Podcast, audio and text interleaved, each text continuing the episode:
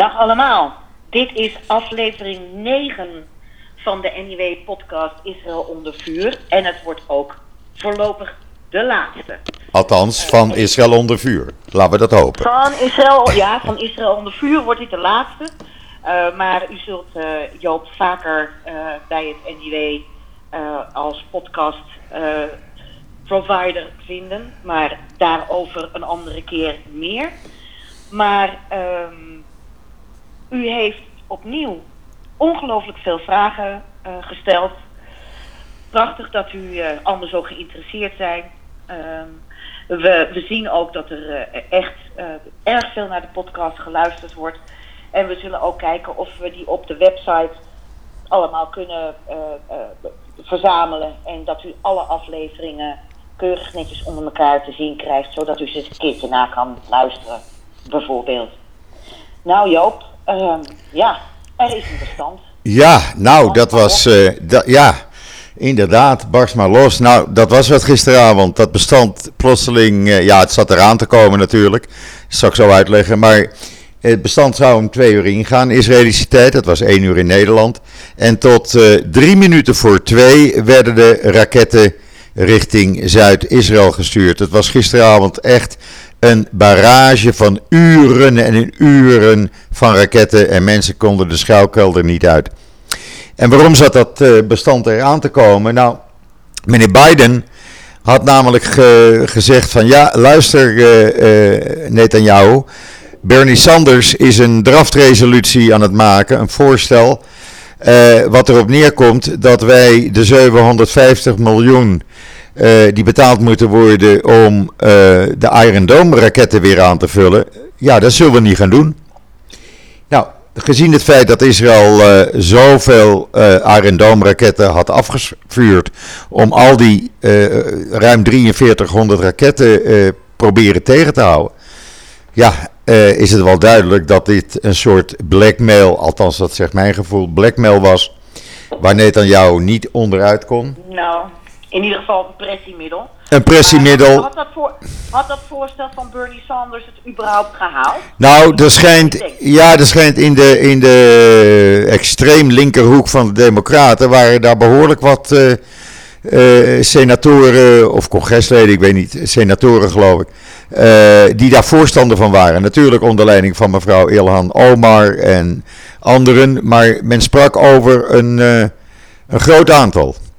Dus ja. Maar ik kan me niet voorstellen dat. De, ik ken ook een heleboel democraten die ongelooflijk pro-Israël zijn. Ja. Uh, ik kan me niet voorstellen dat die voor dit voorstel zouden hebben gestemd. Nee, ik ook niet. Maar goed, het was voor Netanyahu een reden om te zeggen: we stoppen. Zeer tegen de zin van een grote meerderheid, 72% van het Israëlische publiek. Ik ben vanmorgen even wat boodschappen gaan doen voor het weekend. Je weet hoe dat gaat hier, Esther. Vrijdagmorgen. Eh, ik sprak met mijn kaasboer, met mijn bakker. En die zei allemaal: ja, we hadden door moeten halen. Want over een paar maanden, over een paar jaar. Eh, krijgen we deel eh, zoveel van deze gevechten. Want het stopt niet. Ja, het, is niet dus, het gaat dus niet om het feit dat Israël zo trigger-happy is. Maar dat men weet, dit is een, soort uh, l'histoire se répète ja. Binnenkort uh, zijn de raketten weer aangevuld. En als uh, uh, er weer een aanleiding is om te gaan schieten, zullen ze het niet laten. Ja, precies. En helemaal nadat het bestand in was gegaan, kwam Hamas met een verklaring naar buiten dat zij Israël hadden vernederd, Israël op de knieën hadden gekregen. En dat alleen Hamas de beschermer van de, de heilige Al-Aqsa moskee is en de beschermer van Jeruzalem. Daarop braken enorme feesten uit. Niet alleen in Gaza, maar ook uh, met name in de Westbank. Uh, Ramallah, Tulkarem, hier vlak bij mij, 9 kilometer vandaan, noem maar op. Alle plaatsen in de Westbank hadden groot feest met vuurwerk en getrommel en noem maar op. Dus ja, Hamas. Alsof, alsof, die meer, alsof die meer dan 200 slachtoffers niet zijn gevallen. Die zijn niet gevallen in de ogen van die mensen, dat moet dan maar, uh, denken ze. Uh, en uh, ja, er wordt met bezorgdheid gekeken wat er eind van de middag gaat gebeuren in Jeruzalem. Als de gebeden op de Tempelberg ten einde zijn en de Al-Aqsa moskee uh, leeg loopt. Kijken of er dan weer gefeest wordt. En dat zal ja, als er, als er problemen komen, zit er niets anders op om in te grijpen door de Israëlische politie. Ik heb wel een filmpje vanochtend op Twitter gezet waarin je ziet dat een heel grote stoet pro-Palestijnse deelnemers door de oude stad in Jeruzalem trokken. Klopt, heb ik ook gezien, ja. Ja, dat was al vannacht, of vanmorgen heel vroeg, gingen ze al naar de moskee toe om het te vieren. Hmm. Ja. Dus ja, we kijken, uh, ja, in het, in het zuiden is het puinruimen letterlijk en figuurlijk begonnen. Mensen zijn uit de schuilkelders gekomen.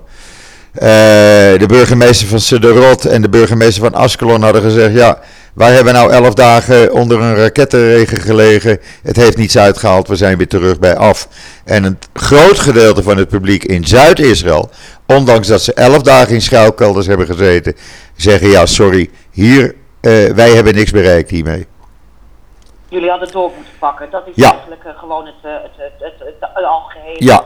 ja Ja, ook politiek is er dus grote druk nu op uh, Netanyahu. Ik heb dat vanmorgen even geschreven in israelnieuws.nl. En waarom? Omdat meneer Smotrich, zijn belangrijkste uh, extreemrechtse coalitiepartner, had gezegd van als het inderdaad zo is dat jullie hebben afgesproken uh, met Hamas dat Israël zich niet meer op de Tempelberg zal vertonen, dan trekken wij ons terug uit jouw coalitie. En dat zal dus vanmiddag blijken. We gaan het zien. We gaan het zien, ja, ja, ja. Maar goed, alles leeft weer. De shoppingmall was vol. De mensen trekken er weer op uit. En het leven is weer normaal. Um, ik ga eventjes uh, meteen naar de vragen, Joop. Ja, doe maar. Ik heb hier een vraag uit Kampen. Um, is Abbas uh, nog feitelijk leider van alle Palestijnen of alleen die in Israël? Ik snap de constructie nog niet helemaal. Nou, heel simpel. Nou, ja, is heel simpel. Heel kort antwoord. Ja. Uh, Abbas is uh, in naam wel de leider, maar in de praktijk is hij geen leider meer. Dat is Hamas geworden. En Abbas is nooit leider van de Palestijnen in Israël geweest? Nooit leider van de Palestijnen in Israël geweest. En ook nooit leider, alhoewel dat uh, juridisch wel zo zou moeten zijn, nooit leider van de Palestijnen in Gaza. Want dat is Hamas. dat hadden we uitgelegd. Hamas en Fatah, de, de, de uh, organisatie van, van Abbas, ja. die haten elkaar. Ja. Uh, uit die haat is eigenlijk zijn nu die beschietingen vanuit Gaza voortgekomen. Ja. Want Hamas wilde gewoon aantonen dat zij uh, een veel belangrijker verdediger zijn van het Palestijnse volk dan Abbas. Precies. En um,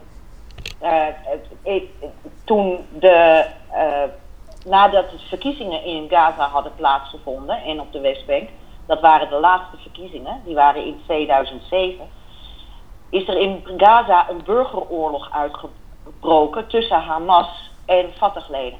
Ja. En Fatah-leden werden daar achter uh, uh, uh, scooters en motoren door de straten gesleept. Ehm, dat is het een grote probleem van de Palestijnen. Ze praten niet met één stem. Nee. Uh, waardoor ook uh, mensen die dus vredesonderhandelingen willen voeren, steeds denk, moet denken van met wie moeten we nou praten? Is dat nou met Hamas? Nou, dat is een terroristische organisatie.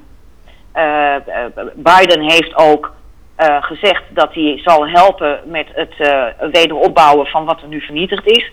Maar dat gaat via de Palestijnse autoriteit dat is weer Abbas. Ja. En we weten allemaal dat Abbas heel erg corrupt is.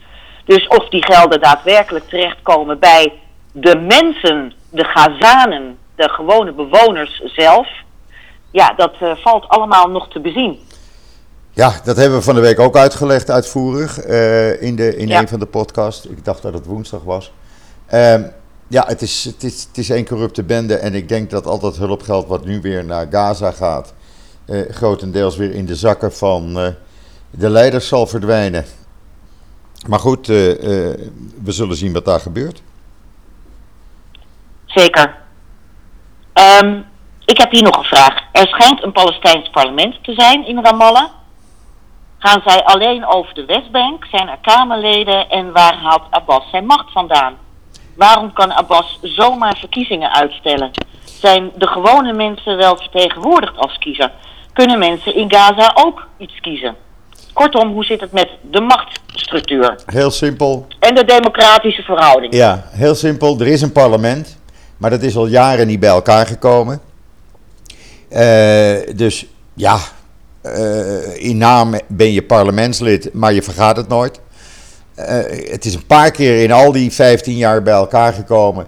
En de mensen in Gaza, ja, ze hebben niks te kiezen. Het is Hamas die daar de dienst uitmaakt. En nu ook de dienst uitmaakt in, in, te, in praktijk eh, op de Westbank. Zo is de situatie. En eh, als je tegen Hamas bent, ja, dan heb je een groot probleem als Palestijn op de Westbank en in Gaza. Mhm. Dus democratie, nee. Absoluut niet. Nee, het is een dictatuur. Het is een dictatuur. Ja. Ik heb hier nog een uh, vraag uh, voor jullie podcast vanmiddag. Vraagt het iemand. Uh, dat gaat over Sigrid Kaag. Hoe kan het dat haar familie, man en kinderen, in een green zone in Jeruzalem wonen? Nou, of dat woonden dan. hebben gewoon. ja. Ook niet in een green zone. overheid- Nee, niet in de green zone. Ze hebben een adres in Oost-Jeruzalem. Uh, zijn er overheidsgelden voor ontwikkelingssamenwerking gebruikt voor de waarschijnlijke terroristische doeleinden? Uh, er loopt een fraudeonderzoek via de Europese Commissie, zegt deze meneer. Als je als Nederlandse militair bijvoorbeeld een relatie heeft met een Russisch of een Palestijn, wordt je het leger uitgebonjourd. en waarom kan zij gewoon minister zijn en, en bij alle staatsgeheimen komen? En hoe chanteerbaar ben je als Nederlandse minister terwijl je weet dat je familie in Jeruzalem woont? Nou, Ik begrijp dat dit een ingewikkelde vraag is, maar ik denk wel dat het onderwerp iets- is voor de podcast. ja. nou, haar familie woont niet in Jeruzalem, Oost-Jeruzalem. Eh, ik geloof dat haar man in Zwitserland woont. Eh, haar man was eh, een belangrijk eh, politicus in de, de, de regering van meneer Arafat. Was ook bij de Oslo-akkoorden onderhandelingen. Was ambassadeur in Zwitserland voor de Palestijnen. Haar kinderen wonen in Nederland, zover ik weet, of studeren elders. Eh, maar het huis is er nog wel. Daarnaast, er is een onderzoek geweest van NGO Monitor. Een paar, paar onderzoeken, onder andere naar de banden van UAWC, de zogenaamde eh, eh, NGO voor eh, het helpen van, van de landbouw, voor de boeren en tuinders. Daar heeft NGO Monitor al ruim anderhalf jaar geleden rapporten naar Nederland gestuurd van jongens, dat geld gaat in de zakken van de PFLP, eh, Populair Front of Bevrijding, eh, het Front voor de Bevrijding van eh, Palestina, een terroristische organisatie. Dat heeft het ministerie van Buitenlandse Zaken, dat hebben ze ook gezegd tegen NGO Monitor en ook tegen mij in een persverklaring, gewoon in de prullenbak gegooid, want onderzoeken van NGO Monitor zijn niets waard. Het onderzoek is nu bij de Europese Unie. Die doet onderzoek naar de gelden die door Nederland en andere landen, zo'n 290 miljoen euro in de afgelopen jaren, waar dat gebleven is. Of dat inderdaad in de zakken van eh, eh, de PFLP en andere terreurorganisaties is verdwenen. Eh, inmiddels was daar een ontwikkeling die ik afgelopen woensdag van NGO Monitor doorkreeg. Eh, waarin zij zeiden dat er eh, bewijs is dat mevrouw Kaag opnieuw, ondanks eh, de eis van de Tweede Kamer en haar toezegging daartoe, opnieuw gelden aan de Palestijnen gaat overmaken. Wat is er gebeurd? Heel kort. Zij hebben gezegd, wij als ministerie hebben een onderzoek gedaan, wij zelf, naar de indirect betrokkenen. En wij konden geen banden ontdekken met eh, terroristische organisaties. Ondanks het feit, voeg ik eraan toe, dat NCO Monitor daar het bewijs van had aangeboden. Er wordt dus nu een bedrag van, eh, ik geloof, 300.000 euro binnenkort overgemaakt. Het is een brief die zij van de week heeft gestuurd aan de leden van de Tweede Kamer. Ik weet ook dat de C... 300.000 euro? eh 300.000 euro, ja.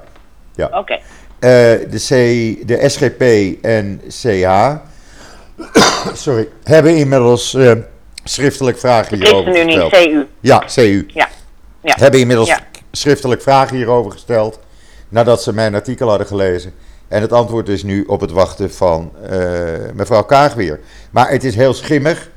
Ik bedoel, als duidelijk bewijs is dat gelden door voor terreur worden gebruikt, want twee leden van de UAWC waren betrokken bijna twee jaar geleden bij de moord op de 17-jarige Rina Snerp. Dat meisje wat omkwam door een bom. Twee leden van die zogenaamde humanitaire NGO, die waren daarbij betrokken. En zitten ook vast in Israëlische gevangenissen.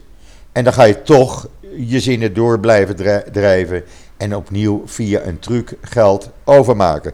Dus ja, als ik het heel, heel cru moet zeggen, Nederland steunt, steunt terreur. Ik kan het niet anders zien. Oké, dus de, de meningen verschillen daarover.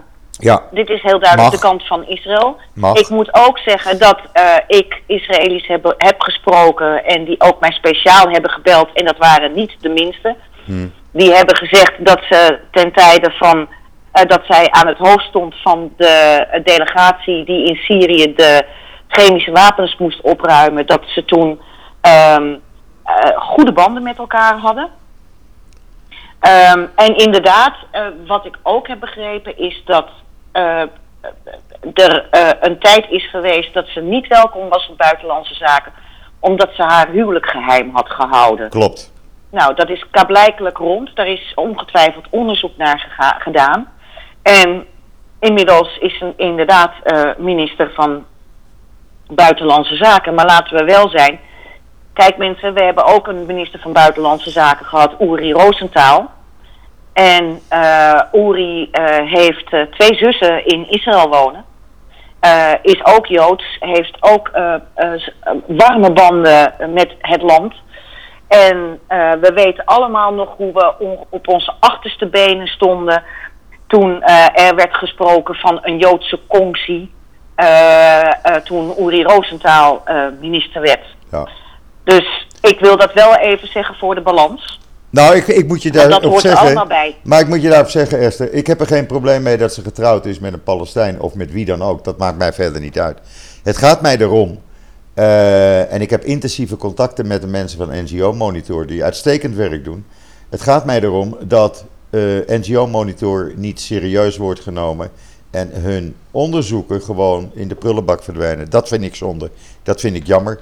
Terwijl je dat kan gebruiken om te zorgen dat het geld wel op een of andere manier komt waar het moet zijn. Mm -hmm. We gaan, uh, we gaan ik heb, uh, ik heb ja. ook een vraag uh, van een, enige tijd geleden had ze het over een must-read over het ontstaan van Israël. Zou u daarbij kunnen helpen? Ja, dat is een enorm dik boek. ik zal dat op Twitter zetten. Het is iets van 1100 pagina's. Ik moet even uh, terug uh, uh, herleiden wat het ook alweer was. Ik zal het voor u opzoeken en ik zet dat op Twitter. Het is een enorm dik boek, maar dan weet je, weet je wel, alles is kort geleden nog weer aangevuld met, met de recentste ontwikkelingen. Um, het is een history of Israel. Het heeft een blauwe kaft. Um, en het, het, maar het is echt een soort bijbel. Um, dus het is niet een zomaar klein boekje waar je eventjes doorheen kan. En het is in het Engels. Um, maar dat is echt het, het, eigenlijk het standaardwerk. Ik uh, zet het voor u op Twitter, ik zoek dat op. Um, even kijken wat ik verder heb. De hets is overweldigend, nou dat is het. Leggen jullie de situatie, uh, jullie leggen de situatie duidelijk uit. Dank daarvoor, daar zijn wij voor hier ik ben inmiddels 36 en had me eigenlijk nog nooit echt verdiept in de situatie. Waarom is de situatie zo anders dan de media in Nederland doen voorkomen? Ik snap echt niet waarom het hier in Nederland niet op de goede manier gebracht wordt. Ja. Ja. ja. Um, kijk, wat ik bijvoorbeeld kan, daarover kan zeggen, is dat ik weet, ik weet niet of dat nog zo is, maar enige jaren geleden mochten dus uh, mensen die behoorden tot de BDS-beweging, dat is de Boycott, Divest and Sanctions-beweging, die dus Israël willen isoleren. en dat is dan nog vriendelijk gezegd. Er zitten heel veel BDS'ers in die club die Israël gewoon van de kaart willen hebben. En ehm, ik weet, ik geloof dat het op de Universiteit van Tilburg was, waar gewoon tien sessies lang uh, op de journalistenopleiding deze mensen hun kant van de zaak konden uitleggen. Ja, dan begrijp je dat als iemand, zo iemand van de uh, opleiding afkomt, dat die al bij voorbaat is geïndoctrineerd. Uh, het is erg jammer dat daar geen balans in is. Je ziet dat ook nu die oproep tot boycotten van academische, van weet, Israëlische wetenschappers onder wie een heleboel Arabieren, may I say. Ja. Een heleboel Arabieren. Een heleboel Arabische Israëli's. Men roept nu op tot een boycott van die wetenschappers. Wat natuurlijk een schande is. Het is pure discriminatie. Um, niemand heeft het over een boycott over van bijvoorbeeld Azerbeidzjan.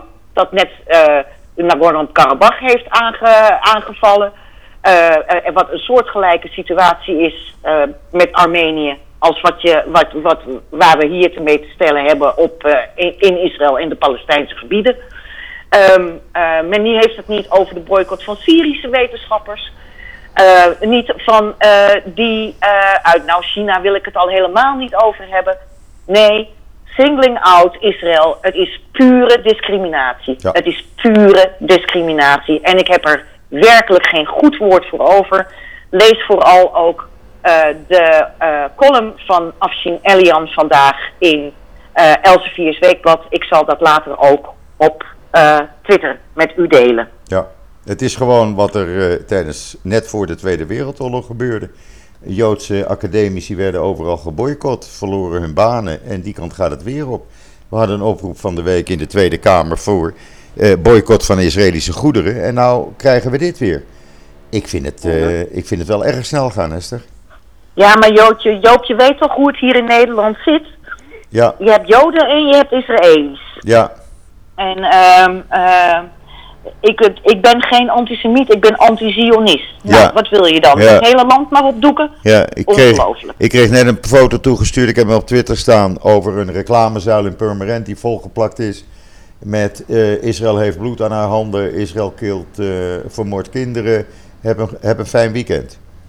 En dat, ja, ja, dat blijft die, dan eh, gewoon hangen die... nu overal in Buitenveldert. En dat blijft gewoon. in. Ja. Doe dat eens En, over... ik, iem- ik, Doe dat eens over mensen van kleur. Moet je kijken wat er gebeurt.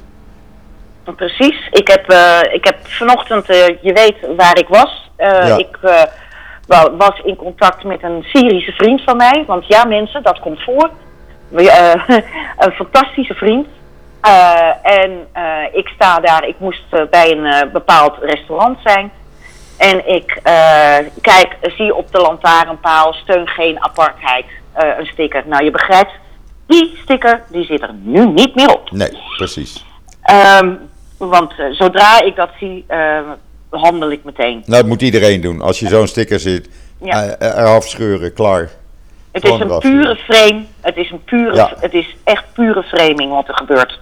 Welke organisatie Eh, zit hierachter, weet je dat? Eh, dat nou ja, de, de- de- in Nederland heb je zo ongeveer meer pro-Palestijnse organisaties dan dat er, eh, dan dat er eh, kerken zijn. Ja, ja. Dus de- daar, kom je daar kom je niet achter. Nee. Oké, volgende Ehm, vraag. Volgende vraag. Ja, toch weer over het wapenarsenaal van Hamas. Hoe lukt het ze zo eh, veel eh, aan te leggen? Eh, dat is doordat ze wekenlang Israël kunnen bestoken. Ehm, ik kan Israël daar preventief niets aan doen. Nou, daar hebben we het over gehad in Ja. de podcast. Het komt allemaal binnen via de totaal poreuze grens met Egypte. Door En- enorme tunnels. En tunnels vanuit de, de Sinai-woestijn. Ja, dat is Egypte. En huisvleit. Ja. Huisvleit. Ja, dat ook. Ja, want ze zijn zeer gebruikt Erg veel, geavanceerd. materialen, erg veel materialen die Gaza binnenkomen ehm, eh, via eh, de Israëlische grens. eh, met de belofte dat dat dan gebruikt wordt voor het bouwen van huizen of wat dan ook. Cement voor beton en, en dat, dat soort zaken meer. Dat wordt gewoon voor die raketten gebruikt. Ja. Er was, de, Gaza klaagt al eh, jaren over dat ze zo'n slechte waterkwaliteit hebben. Maar de materialen die Israël naar binnen gegooid heeft, ook naar binnen gebracht heeft voor bijvoorbeeld ontziltingsinstallaties, die zijn gebruikt voor het maken van raketten. En ga zo maar door. Ja. Um, deze vraag. Um, denken jullie dat het ooit mogelijk is dat een rationeel argument het woord van God kan overroelen en dat mensen hun daarbij behorende claims die voor een padstelling zorgen ooit laten varen? Met andere woorden, ja, uh, de religie. Ja, um, ja, dat is een moeilijke. Ja, dat is, het is een ontzettend lang verhaal. En uh, de een gelooft er wel in, de ander gelooft er niet in. Um, uh, wat ik in ieder geval over de Israëli's kan zeggen, is dat een heel groot deel van de Israëli's zich beschouwt als atheïst. Maar uh, dat ze toch, uh, die, die, die, ze houden zich aan de, de feestdagen uit traditie. Ja. Gewoon uit traditie. Zoals wij hier heel veel Nederlanders hebben die uit traditie kerst vieren, maar nou niet bepaald vanwege de geboorte van, uh, van, van Jezus Christus. Um, het is net zo, de, de, de Israëlische bevolking is enorm gevarieerd van, kijk naar bijvoorbeeld Tel Aviv. Hè? In Tel Aviv, God is a DJ. Uh, er wonen uh, homostellen waarvan de een Arabisch is, oorspronkelijk uit de Westbank komt, en de andere gewoon Joods is. Daar hebben we ook een artikel over geschreven in het NIW. Uh, tot, tot super-orthodoxie. Um, die een, ja, mijns inziens een groot probleem vormen in Israël. Ze gaan niet in het leger. Ze, de vrouwen werken, de mannen niet. Die zitten dag in dag uit in de yeshiva.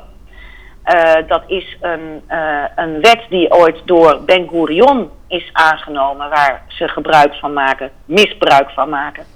Omdat het, het orthodoxe Jodendom in Europa zo had geleden onder de Shoah, dat hij heeft en hij had toen het idee dat hij misschien ja, iets van 700 mensen zou binnenkrijgen, die dan in ieder geval die traditie van het lernen, hè, het, het, het lernen het religieus leren uh, zouden, zouden overnemen. Maar ja, dat zijn er inmiddels duizenden en duizenden.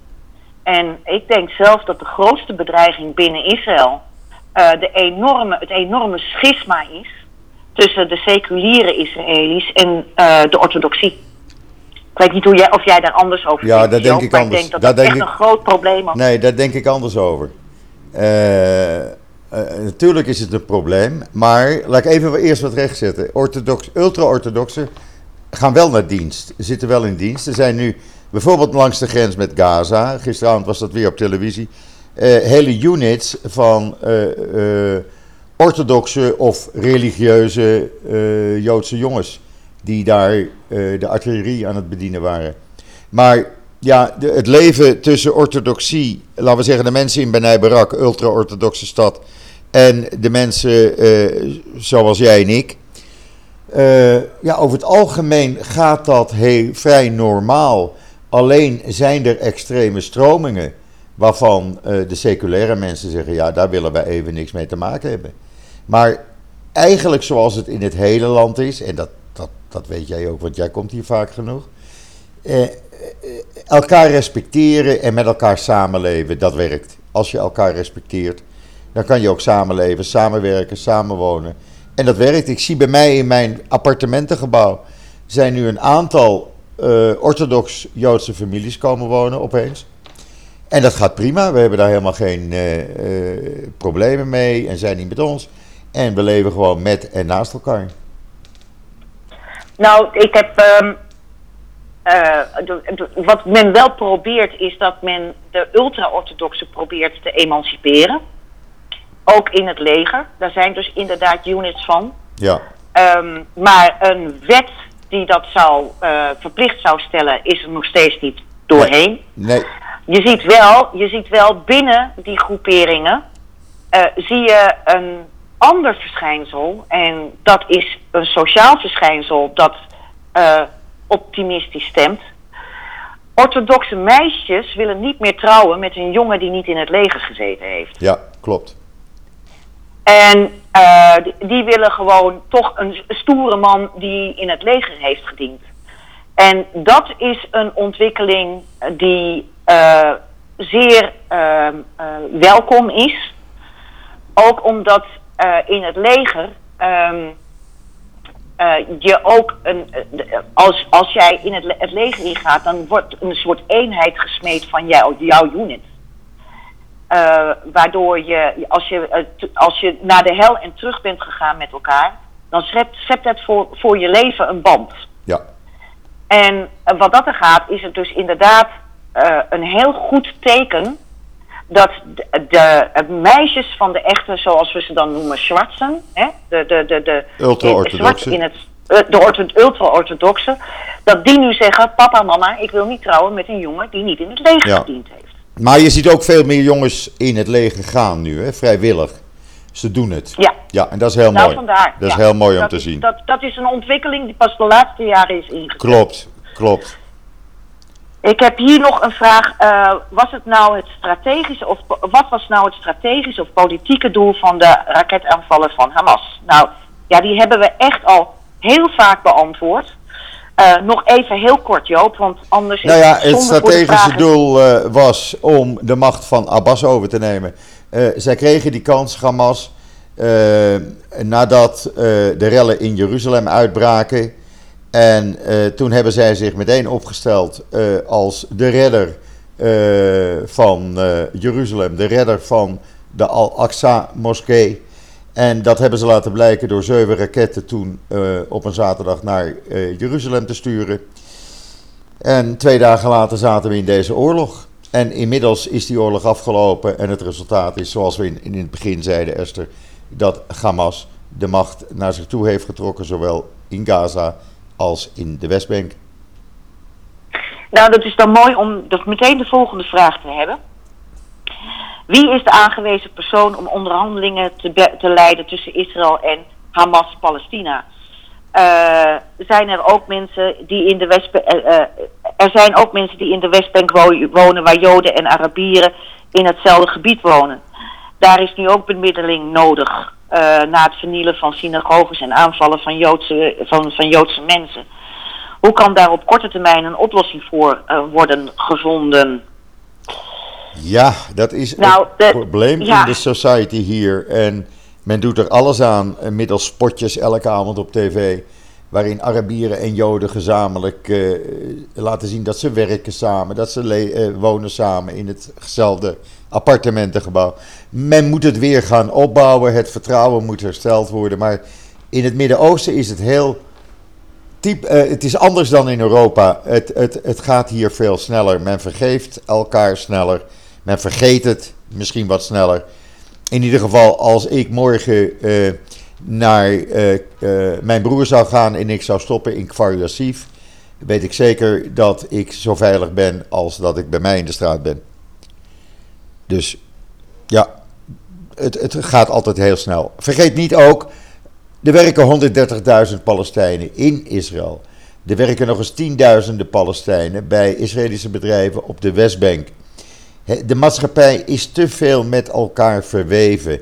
En eh, in, in de meeste bedrijven in Israël werken ook Palestijnen. Er zijn high-tech bedrijven die weer werk uitbesteden aan Palestijnen in de Westbank.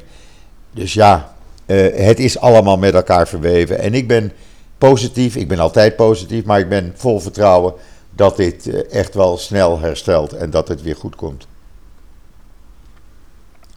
From your mouth to God's. Nou, ik zie de demonstraties van gezamenlijke Arabieren en Joden. En dat gaat goed. Dat gaat goed. Zolang de extremen er maar uit zijn, zoals Netanyahu in zijn persconferentie zei. We hebben 1300 extremisten opgepakt, zowel Joodse als Arabische. En eh, ze hopen dat daarmee de angel uit, eh, hoe noem je dat? Eh, De angel eruit is. Er is wel veel politie, moet ik zeggen, in gemengde Arabische Joodse steden, zoals Lot, Ramle. Eh, er is veel politie in Umm al-Fachem, een Arabische stad in het midden van het land. Maar de rellen, ze zijn er niet meer geweest de laatste dagen, de laatste week. Dus dat, eh, Ik heb, in, dat, in dat kader heb ik ook een, een, een andere vraag nog. Zouden jullie in de podcast eh, een beeld willen geven over de zogenaamde apartheid in Israël? nou, die is Ik bedoel, er, staat, er, er bestaat wel zeker racisme, zoals in elk land. Dat klopt. Ja. Maar apartheid is wat anders, lijkt me. Ja, Nou, nou, ja, inderdaad. kijk, Israël is een gewoon land, alhoewel ik vind het een buitengewoon land. Maar Israël is een gewoon land, zoals ieder ander land. En ook hier komt zijn eh, racisten. Dat, dat kan je niet uitsluiten. Alleen apartheid? Nee. We hebben duizenden, tienduizenden Ethiopische eh, Joden hier naartoe gehaald. Eh, we hebben Marokkaanse Joden. Eh, we hebben de Arabieren, we hebben de Druzen, we hebben de Christenen. We hebben Europese Joden. We hebben de eh, eh, zwarte Joden uit Amerika. Ja. Nee, uit Amerika Ja. ook. Ja, ja. Alles, alles mengt zich met elkaar en leeft met elkaar. Ik zeg het maar nogmaals: het overgrote deel van de mensen die in Israël wonen, respecteer, eh, respecteren de ander. En daardoor hebben we geen apartheid zoals bedoeld wordt, zoals dat in Zuid-Afrika is eh, of was.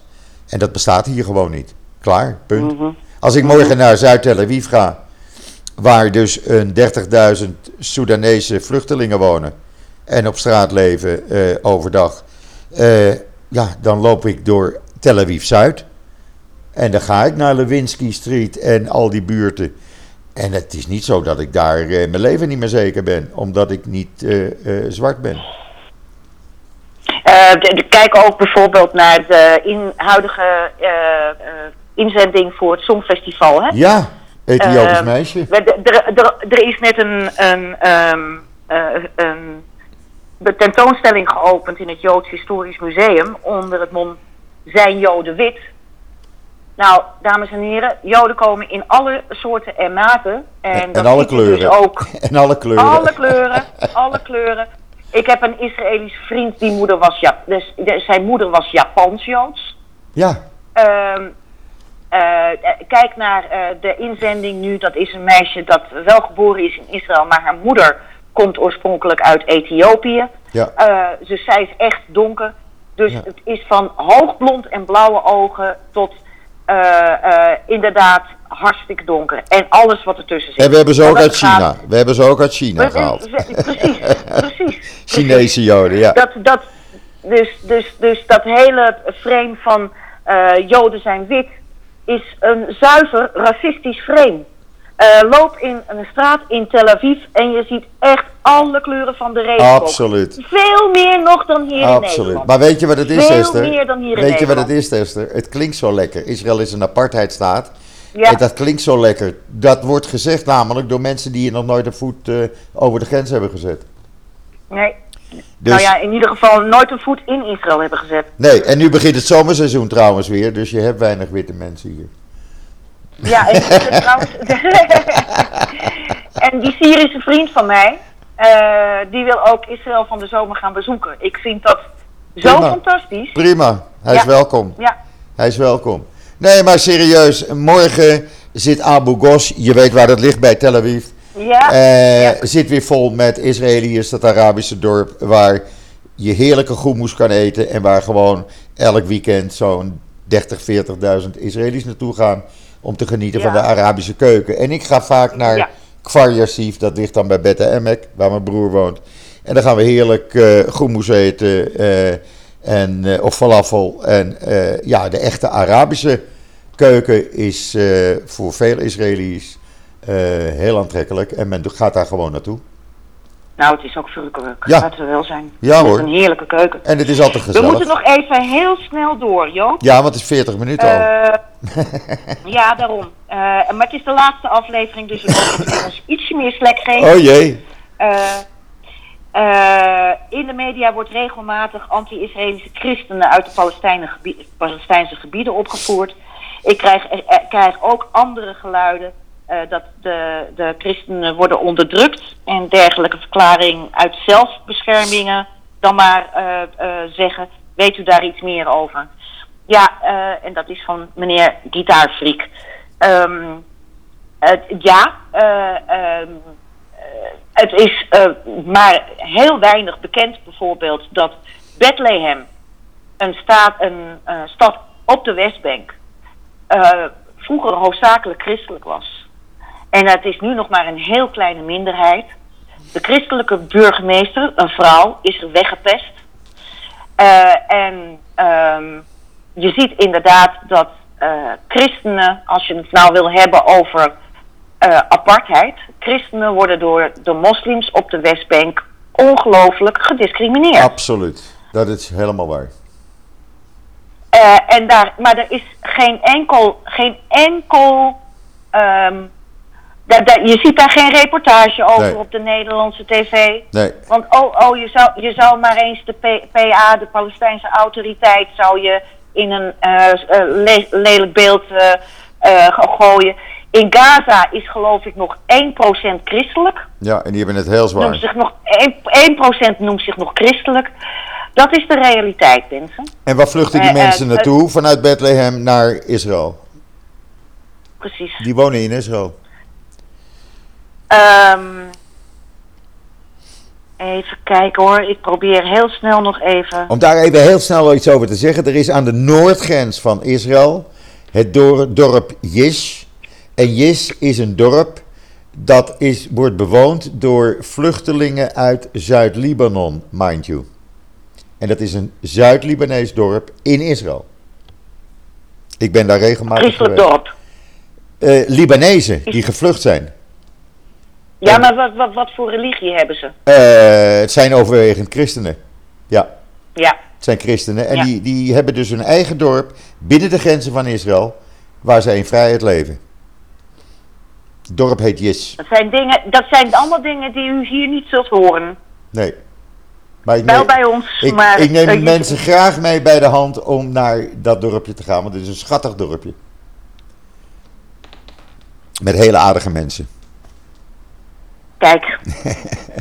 uh, wat is de mening van Israëlische staatsburgers met een moslimachtergrond in dit conflict? Nou ja, dan hebben we het weer over rellen. Ja. Uh, en hoe staan de anti-Zionistische ultra-orthodoxen hier tegenover? Nou, dat laatste zou ik niet weten. Ik heb nog geen reacties uit uh, de ultra-orthodoxe hoek gehoord over deze beëindiging van de gevechten. Uh, ik mm. weet wel dat er, ja, daar gaan we weer, de overgrote meerderheid van de Israëlisch-Arabische bevolking heeft zich afzijdig gehouden. De feesten die je in de Israëlisch-Arabische dorpen en steden zag vannacht, waren hoofdzakelijk jongelui. Dezelfde jongelui die zo heerlijk aan het railschoppen waren. Dan, uh, ik moet echt een selectie gaan maken, jongens, want dat zijn te veel vragen. Ja, hoe zit, de, hoe, uh, hoe zit het met de geopolitiek op langere termijn? Was dit een test van Iran ter voorbereiding van iets groters? Nou, dan komen we weer bij uh, Hezbollah ook. Dan komen we weer bij Hezbollah. Uh, nou, zoals een goede vriend mij gisteravond, of eigenlijk vannacht vertelde, in Nederland, en die militaire achtergrond heeft. Hij zegt het, uh, het hele nadelige effect van deze oorlog is geweest dat Hezbollah nu precies de tactiek weet welke Israël zal gaan toepassen. En daar zit wel wat in. Mm Ja. Ja. Dus. En zijn, en, en zijn er überhaupt Palestijnse groeperingen waarmee wel te praten valt? Ja, mensen, die, die zijn, er. Ja. ja. Die zijn er, maar je hoort ze niet. Uh, nee, je hoort ze niet. Nee. Um, ik wilde een, een, er was nog een laatste persoonlijke vraag van, uh, aan ons, Joop. Ja. Ik denk dat we die als laatste moeten doen, want anders uh, gaan we echt iedereen vervelen. Hoe gaan wij zelf bijvoorbeeld ook op Twitter uh, om met alle kritiek die we krijgen op Twitter? Ja, nou ja, kritiek. Ik vind kritiek prima. Het mag, zolang het netjes blijft. En als mensen zich antisemitisch gedragen naar mij toe, dan reageer ik alleen maar met een blok en een melding mm -hmm. aan Twitter. En voor de rest uh, sta ik er verder niet meer bij stil. Nee, ik heb, ik heb hetzelfde. Je mag van mij helemaal kritiek hebben op het beleid van de Israëlische regering enzovoorts. Kritiek mag. Maar ik zie heel, ik zie heel veel trollen, vooral van Um, uh, met een Turkse achtergrond, Turks-Nederlandse achtergrond. En uh, dat zijn trollen met nul volgers en ze volgen elf mensen. Die, die, die, die ik weet niet wat uh, die jongens bezighoudt, want het zijn hoofdzakelijk jong, jongens. eh, kunnen ze, hebben die niet geen hobby of zo. Of een baan. En die blok ik onhe- Of een baan. Eh, ze hebben in ieder geval tijd over. ik blok die onherroepelijk. Ja, ik ook. Ehm, ik, ik, ik, ik merk ook dat er eh, veel BDS-Nederlanders zijn. eh, die mij wel even komen vertellen dat eh, Israël een bloed- bloeddorstig land is enzovoort. Eh er valt niet mee te praten. Nee, dat blijkt wel uit de vraagstelling, de manier waarop je benaderd wordt door mensen. Die zijn al ja. zo agressief Ja. dat het niet eens zin heeft om daarmee in discussie te gaan, omdat die mensen Nee, geloven in hun, eigen, in hun eigen waarheden en En eigen gelijk. gelijk. En, En daarom in daar houdt de afgelopen anderhalve week heb ik geloof ik ongeveer 300, 400 mensen geblokt. Ja, ik ook zoiets. En dat doe ik bewust. Eh, dat is al bij mij begonnen in 2014. Toen kreeg ik als directeur van het CIDI ook al een enorme over me heen.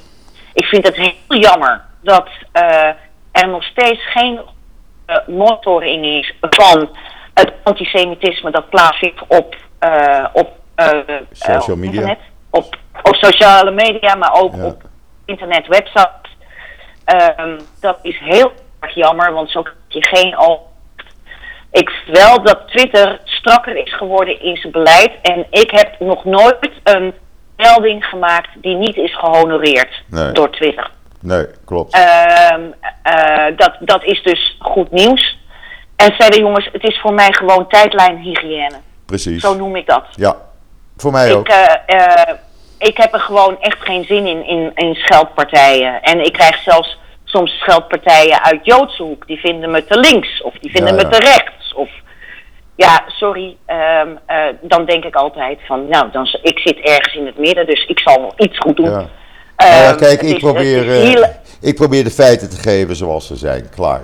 En ik ga het niet mooier maken, ik ga het niet inkleuren. Dit is mijn dagelijks leven in Israël en zo is het. Klaar. Mhm. En als mensen mij daar niet in willen geloven, nou, jammer dan, eh, dan moeten ze, hebben ze ook niets bij mij te zoeken. Zo simpel zit het in elkaar. Precies. Maar a- alle kritische vragen mogen gesteld worden. Ja, En, en eh, wat, wat ik ook wel merk is dat mensen boos worden als ik ze niet beantwoord. Nou jongens, ik heb eh 21.000 volgers. En ehm, ik kan gewoon ook niet altijd alles beantwoorden. Daarom hebben we ook deze podcast in het leven geroepen. Omdat het gemakkelijker is om erover te praten dan dat je je eh, vingers gewoon blauw tikt. ja precies. Eh, dus, ehm, en eh, er komt in deze negen afleveringen, zoals wij die nu hebben gemaakt, heel erg veel langs.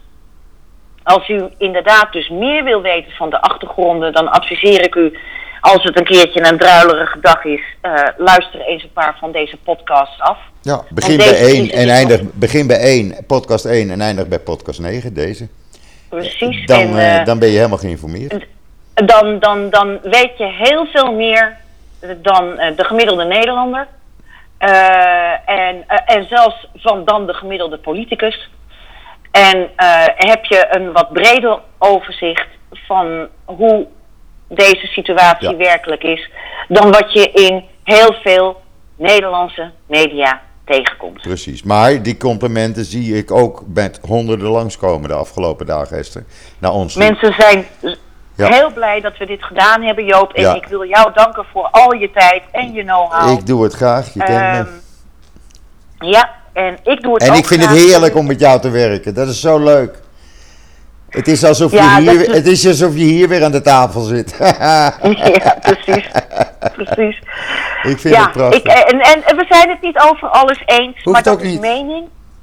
Eh, feit is feit en mening is mening. Maar we hebben nu geprobeerd om u eerst de feiten te geven Ja, en daarna de meningen. ja. En eh, eh, ja, dit is dus het eind van deze reeks.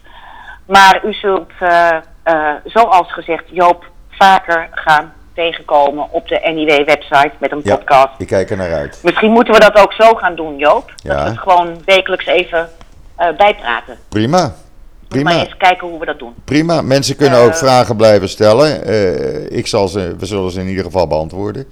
En als het zo uitkomt in een podcast.